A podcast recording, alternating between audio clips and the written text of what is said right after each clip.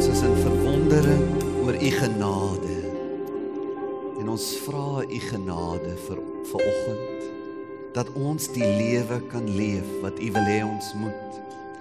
Leer ons ook, Here, uit u woord in Jesus naam.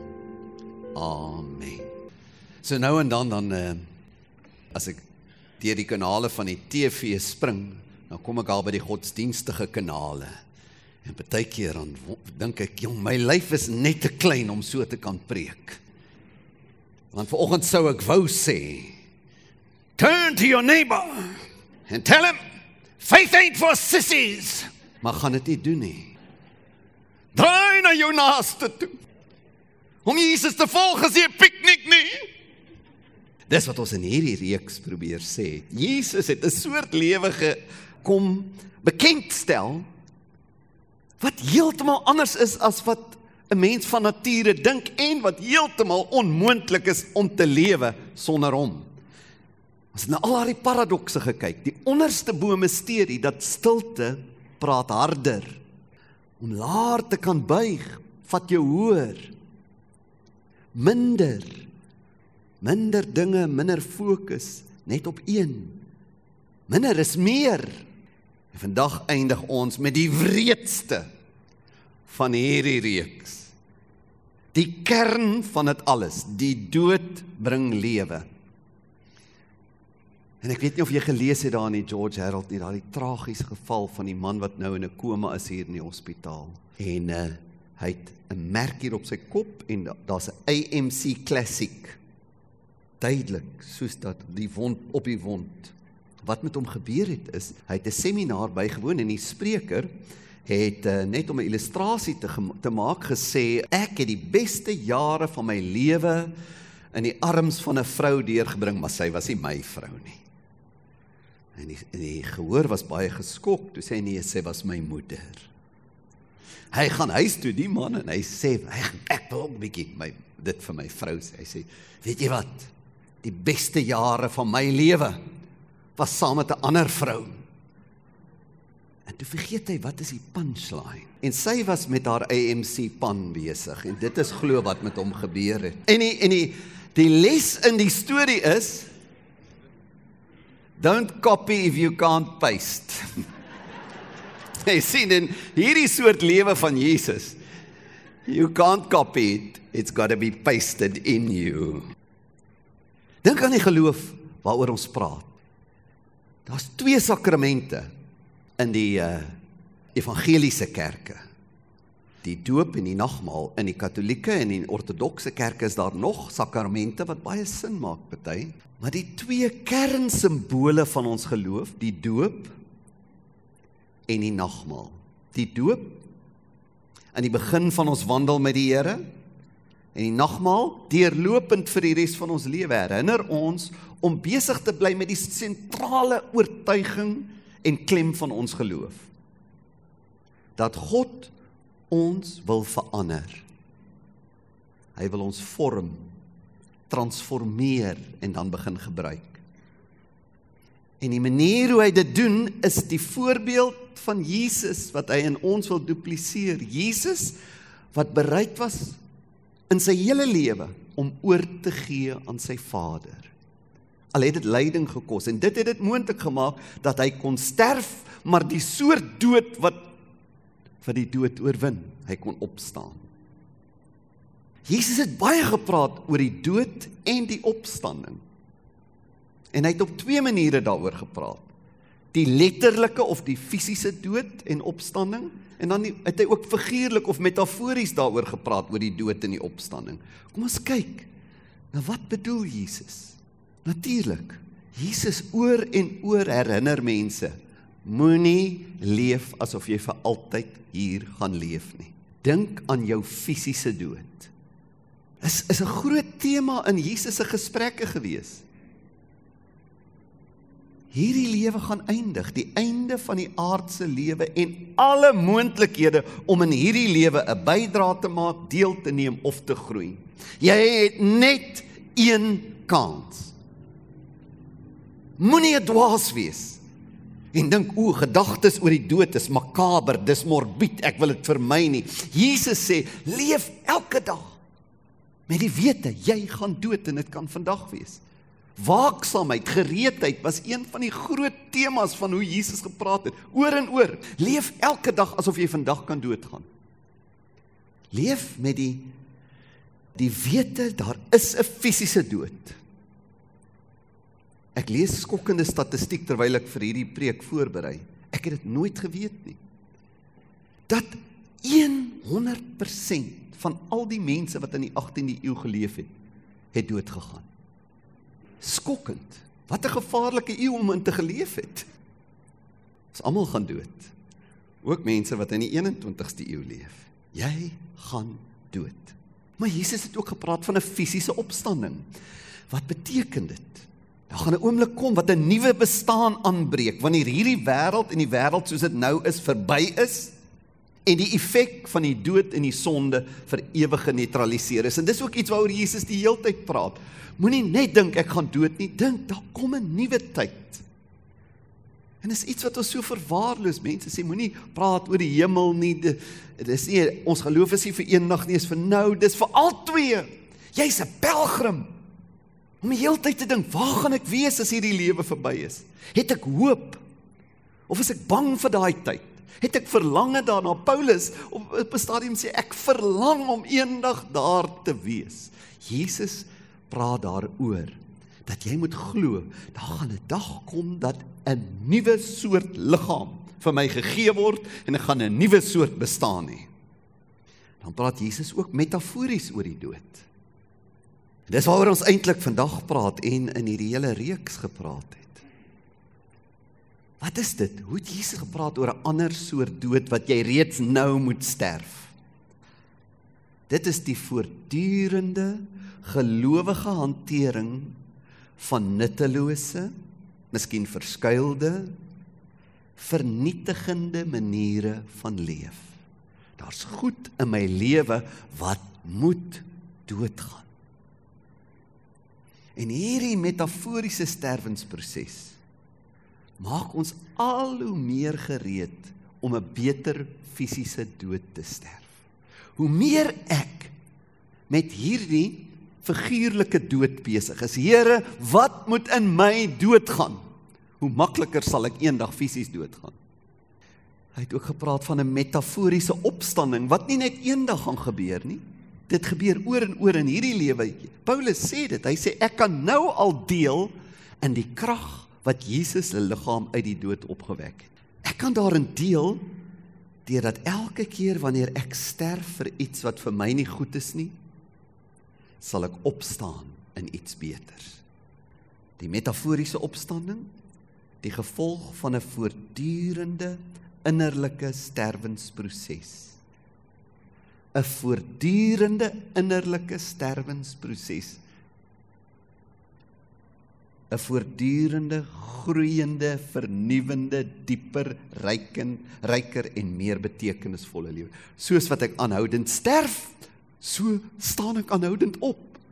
En word ek aanhoudend verander en word my lewe groter. Leef jy met hierdie temas? Die dood bring lewe. Ek maak my gereed vir die dood. Ek wonder of jy nie nou wil sê, Here, ek meld aan.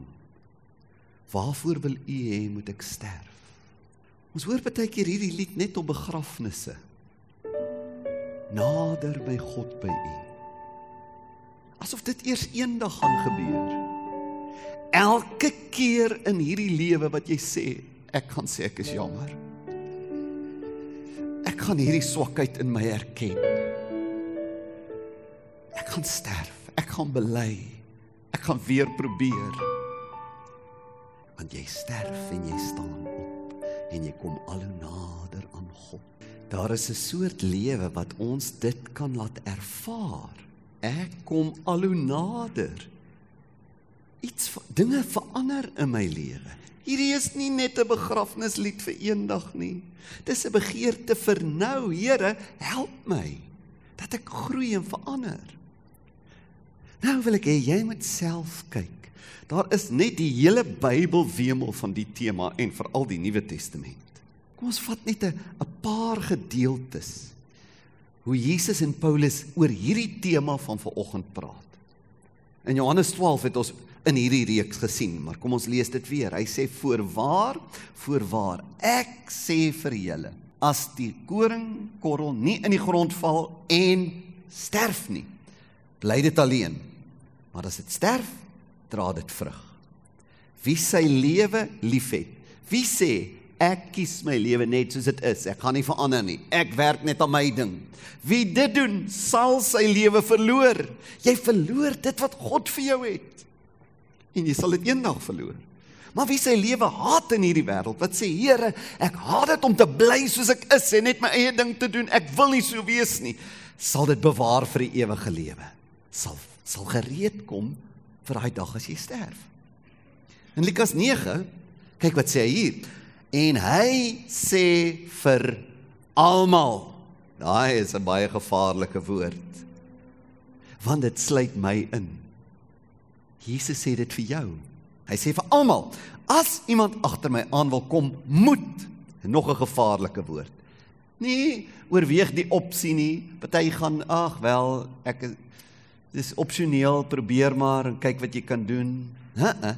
Moet hy homself verloon en sy kruis elke dag opneem, elke dag. Jesus sê dis die soort lewe.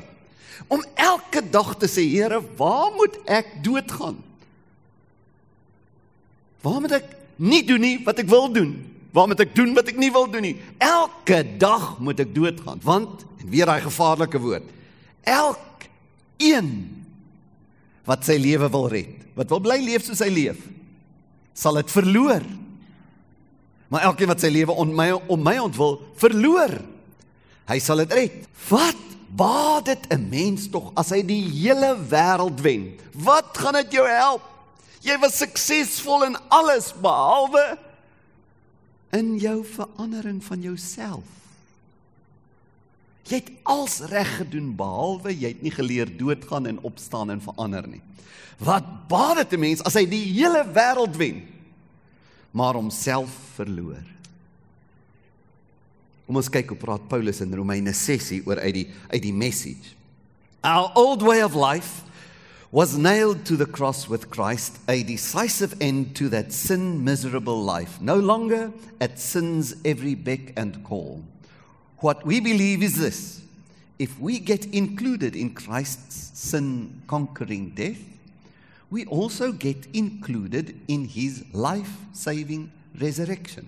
Here, sluit my in in die dood. Ek wil leer doodgaan sodat ek kan leer opstaan.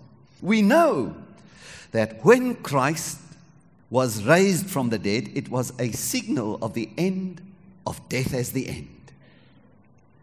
Never again will death have the last word. When Jesus died, he took sin down with him, but alive, he brings God down to us. From now on, think of it this way sin speaks a dead language that means nothing to you. God speaks your mother tongue, and you hang on every word. You are dead to sin and alive to God. That's what Jesus did in dis wat hy vir jou kan doen elke dag. That means dit beteken iets. You must not give sin of jou eie manier a vote in the way you conduct your lives. That means hoe en hoe ek lewe moet ek elke dag leer sterf. Don't give sin the time of day. Don't even run little errands that are connected with that old way of life. Throw yourself wholeheartedly and full time, elke dag. Remember, you've been raised from the dead into God's way of doing things. Here, laat ek elke dag leer om te sterf en op te staan. Sin cannot tell you how to live. After all, you're not living under that old tyranny any longer. You're living in the freedom of God. Vryheid is om te leer doodgaan en opstaan. En laastens Kolossense 3. Aangesien julle saam met Christus uit die dood opgewek is, moet julle strewe. Weer daai woordjie moet. Jy moet dit doen. Moet julle strewe na die dinge daarbo waar Christus is, waar hy aan die regterhand van God sit. Rig julle gedagtes. Begin met 'n ander manier van dink op die dinge wat daarbo is, nie op die dinge wat op die aarde is nie, want julle het gesterwe. Nou moet jy mooi kyk wat sê Paulus hier. En julle lewe is saam met Christus verborge in God. Julle het gesterwe die dag toe jy sê Jesus, ek neem u aan, het hierdie sterwensproses begin. Het jy gesê ek meld aan om te sterf? Wanneer Christus wat julle lewe is by sy wederkoms verskyn, sal julle ook saam met hom verskyn en, sy, en in sy heerlikheid deur. Daarom moet julle, weer daai woordjie moet, die aardse dinge doodmaak wat nog deel van julle lewe is. Kyk nou hier wat sê hy. Hy sê die dag toe jy Jesus aanneem, het jy gesterf. Maar net 'n paar verse aan verder sê hy, nou moet jy steeds sterf. Met ander woorde, toe jy Jesus innooi, toe sê hy ek is bereid vir die res van my lewe om elke ding wat God vir my uitwys of wat in my gewete gebeur of wat iemand anders vir my uitwys waarvan ek bewus raak ek is bereid om daarvoor dood te gaan daarom moet julle die dinge doodmaak wat nog deel van julle lewe is wat God nie daar wil hê nie is jy bereid om aan te meld vir 'n sterf en opstaan lewe Nou noem hy 'n klompie goed. Dis nie 'n volledige lys nie, daar's baie. Onsedelikheid, onreinheid, welis, slegte begeertes, gierigheid wat afgoderry is. Deur sulke dinge kom die straf van God oor die mense wat aan hom ongehoorsaam is. Jy kan kies of ek sterf nou of eendag gaan ek sterf. 'n Ewige dood. Vroer het julle ook aan die dinge meegedoen toe julle nog daarin geleef het, maar nou Sê vir jouself, ek wil maar nou, nou, nou moet julle al hierdie dinge laat staan.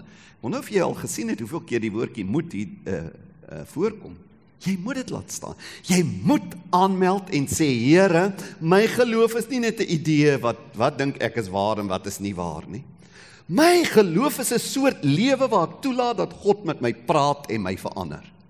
Nou moet julle al hierdie dinge laat staan. Jy moet vir die res van jou lewe besig wees om dood te gaan en op te staan. Woede, haat, nait, jaloesie, vloektaal, vuiltaal moet daar nie uit jou mond kom nie. Moenie vir mekaar lieg nie, praat die waarheid. Julle het met die ou sondige mens en sy gewoontes gebreek. Leef nou die lewe van die nuwe mens. Jy het gebreek en elke keer as jy dit sien daar, breek weer daarmee en leef die lewe van die nuwe mens wat al hoe meer vernuwe word. Kyk wat sê hy. Dit sal al hoe meer 'n werklikheid word. Die oomblik as jy sê Here, ek is bereid, verander my, gaan dit al hoe meer en al hoe dieper gebeur. Jy gaan al hoe meer 'n nuwe soort lewe leef wat al hoe meer gaan lyk na die lewe wat God vir jou wil hê. Wow. Dit's baie duidelik ons geloof is nie net ek het eers gesê ek glo in Jesus nie. Ek is 'n Christen, ek glo in die Bybel nie. Ons geloof is die aanmeld vir 'n soort lewe waar ek oor waar oor en oor wat met my moet gebeur wat die eerste dag met my gebeur het. Daardie eerste dag toe jy Jesus toelaat, en was jy bewus van verkeerde goed in jou lewe en sê Here, ek leef nie reg nie. Jy het dit vir hom gegee. In 'n sin het jy daar dood gegaan. Nou sê Jesus, hierdie proses. As iemand agter my wil aankom, moet dit elke dag met jou gebeur. Elke dag sterf ek, staan ek op. Nou wil ek net vir die laaste deel van die diens 'n klompie sterfprosesse waaraan ons kan dink noem. Ek sal nie daaroor uitbrei nie, maar laat ek drie opmerkings maak voor ek dit doen. Die eerste opmerking is Jy het nie eintlik veel te doen met ander mense se sterfproses nie. Daar's net een siel aan jou toevertrou. Werklik waarvoor jy waaragtig gaan verantwoording doen. Primêr is jou eie siel. Het jy al aangemeld? 'n Mens wat gedurig deur met ander mense en ander dinge besig is, ander mense se lewe. Wees met jou eie besig. Dis hoe jy doodgaan. Jy gaan dit doen dit self. Want op die laaste dag van jou lewe is jy alleen. Die pad na die ewigheid toe is nie saam met jou goed nie, dis nie saam met ander mense nie, is selfs nie saam met jou kinders nie, is nie saam met jou vrou nie. Dis nie saam met jou roem nie, is nie saam met jou reputasie nie, is net jy. Begin nou al sê. Dis net ek. Ek is verantwoordelik primêr vir net wat aan my aangaan. Die tweede ding wat ek wil sê is, jy kan sê maar is God nou nie liefdevol ag al hierdie verkeerde goed in my lewe sien hy dit nie oor nie. God kan enige gebreke vergewe en jou steeds lief hê ten spyte van jou gebreke. Maar die God van liefde kan nooit ophou begeer en werk om daai gebreke weg te vat. Hy het jou lief, maar hy's nooit tevrede daarmee nie. En derdens wil ek sê, as jy sê, maar ek het net God lief, maar is 'n is 'n 'n uh, abstrakte term. Liefde vir God begin by die by die begeerte om gehoorsaam te wees. Dis wat dit is. Here, wys my, wat moet ek doen en verander?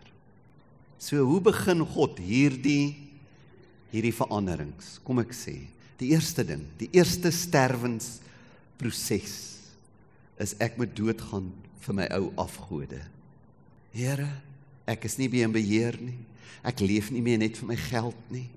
Ek meld aan om dood te gaan. Ek wil vir die Here leef. Here, hier buig ek.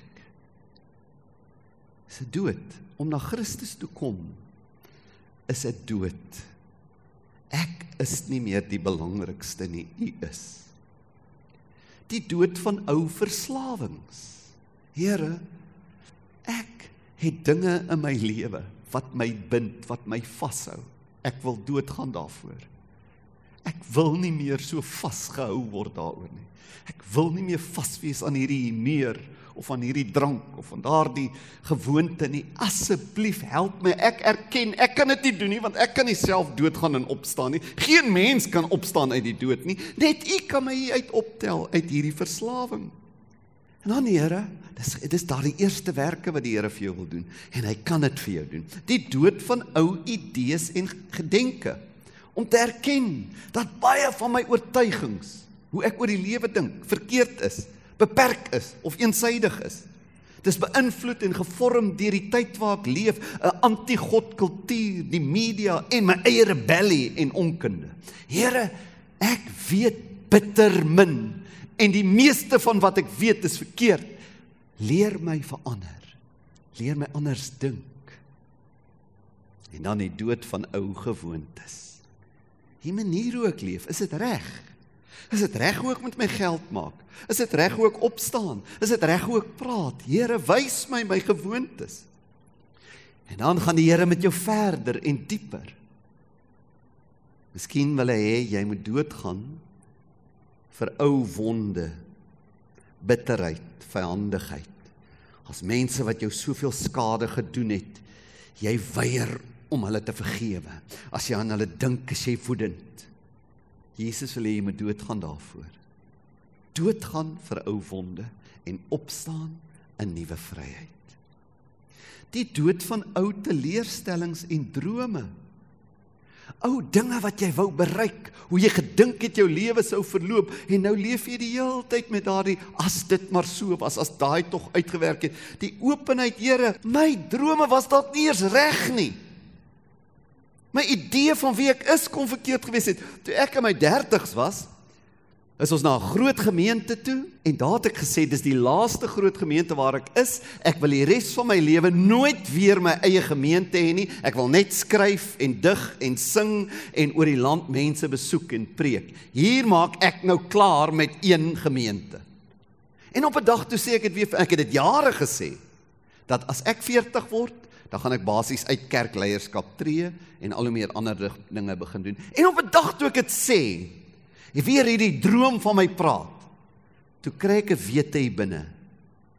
Ek wonder waar kom die idee vandaan? Wil God nie ek moet doodgaan vir die idee nie? En ek kon dit net nooit weer sê nie. En uh, dit was nie 'n jaar daarna nie. Toe lei die Here vir my en Barbara om hiernatoe te kom en hier deel te raak van wat hier gebeur. Here, my ou teleurstellings en drome, dis dalk U wat wil hê ek moet doodgaan daarvoor. U dalk heeltemal 'n ander nuwe ding vir my. Die Here het 'n klomp toekomste vir ons. Partykeer is dit is deel van my identiteit, maar jy het selfs 'n klomp identiteite. En toe ek sê, maar ek is nie net 'n kunstenaar en skrywer en sanger en musikant nie. In elk geval het die Here my hare laat begin uitval. Ek kon nie meer so aanhou nie. Toe gee hy vir my 'n nuwe toekoms en hy sê, ek het dit ervaar. Jy wat sê jy gaan nie weer 'n leier in 'n gemeente wees nie, jou leierskap het nog nie eers begin nie. Jy wat sê ek het nou afgetree, kan nie meer sake doen nie. Wie sê? Wie sê God wil hê jy moet iets anders nou aanpak nie? Jy kan nooit ophou leef nie. Jy kan nie dat teleurstellings en drome van die verlede jou vaspen nie. Miskien wil God hê jy moet sterf vir daai teleurstelling en hy het iets anders vir jou. Die dood van ou verhoudings. Here, miskien is hierdie huwelik soos hy is, moet hy nou doodgaan dat hierdie selfe huwelik kan opstaan in 'n nuwe huwelik. As ons bereid is, as ons sê, wat is verkeerd hier? Die dood van ou verhoudings en begeertes na ander. Die dood van ou jeugdigheid. Wat ek bedoel is, baie mense bly in die verlede. As jy by hom kom, dan praat hy oor die rugby manne. En ja, ek was in die tweede span, maar daai daai afrigter, ja, sy die ander ou wat die agste man was, was sy pa was ryk, het die afrigter omgekoop. Hy hy's al 55 en hy praat nou nog van hom, hy moes in die eerste span gewees het. Jy is nie meer 17 nie. Party mense leef in ou fases. Het 'n nuwe tyd aangebreek. Leef in die nou. Die dood van sterkte. Ek sorteer alles uit. Ek kan hoe meer ons na die Here toe kom, hoe meer besef ons maar ons het hom nodig. Ek kan nie alle dispute uitsorteer nie. Ek kan nie alle krisisse oplos nie. Hy is die sterk een, ek sterf. Die dood natuurlik, hoe verder dit gaan van ou motiewe. Nou is dit dieper. Hoekom doen ek dinge? Here, wat dryf my? Om uiteindelik te sê die dood van jouself. Die uiteindelike lang sterfproses te voltooi waarmee Jesus ons help, die sterf vir 'n lewe wat ingerig is om selfsug, hebsug, plesiersug, magsug te bevredig. Kan jy sien? Ons kan nooit ophou sterf nie. Ons moet aanhoudend sterf. Jy kan daagliks jouself inrig om te sterf. Eerstens deur oop en nederig en soekend of ondersoekend te wees. Here, ek is oop. Ek is nie so arrogant om te sê ek is oukei okay nie.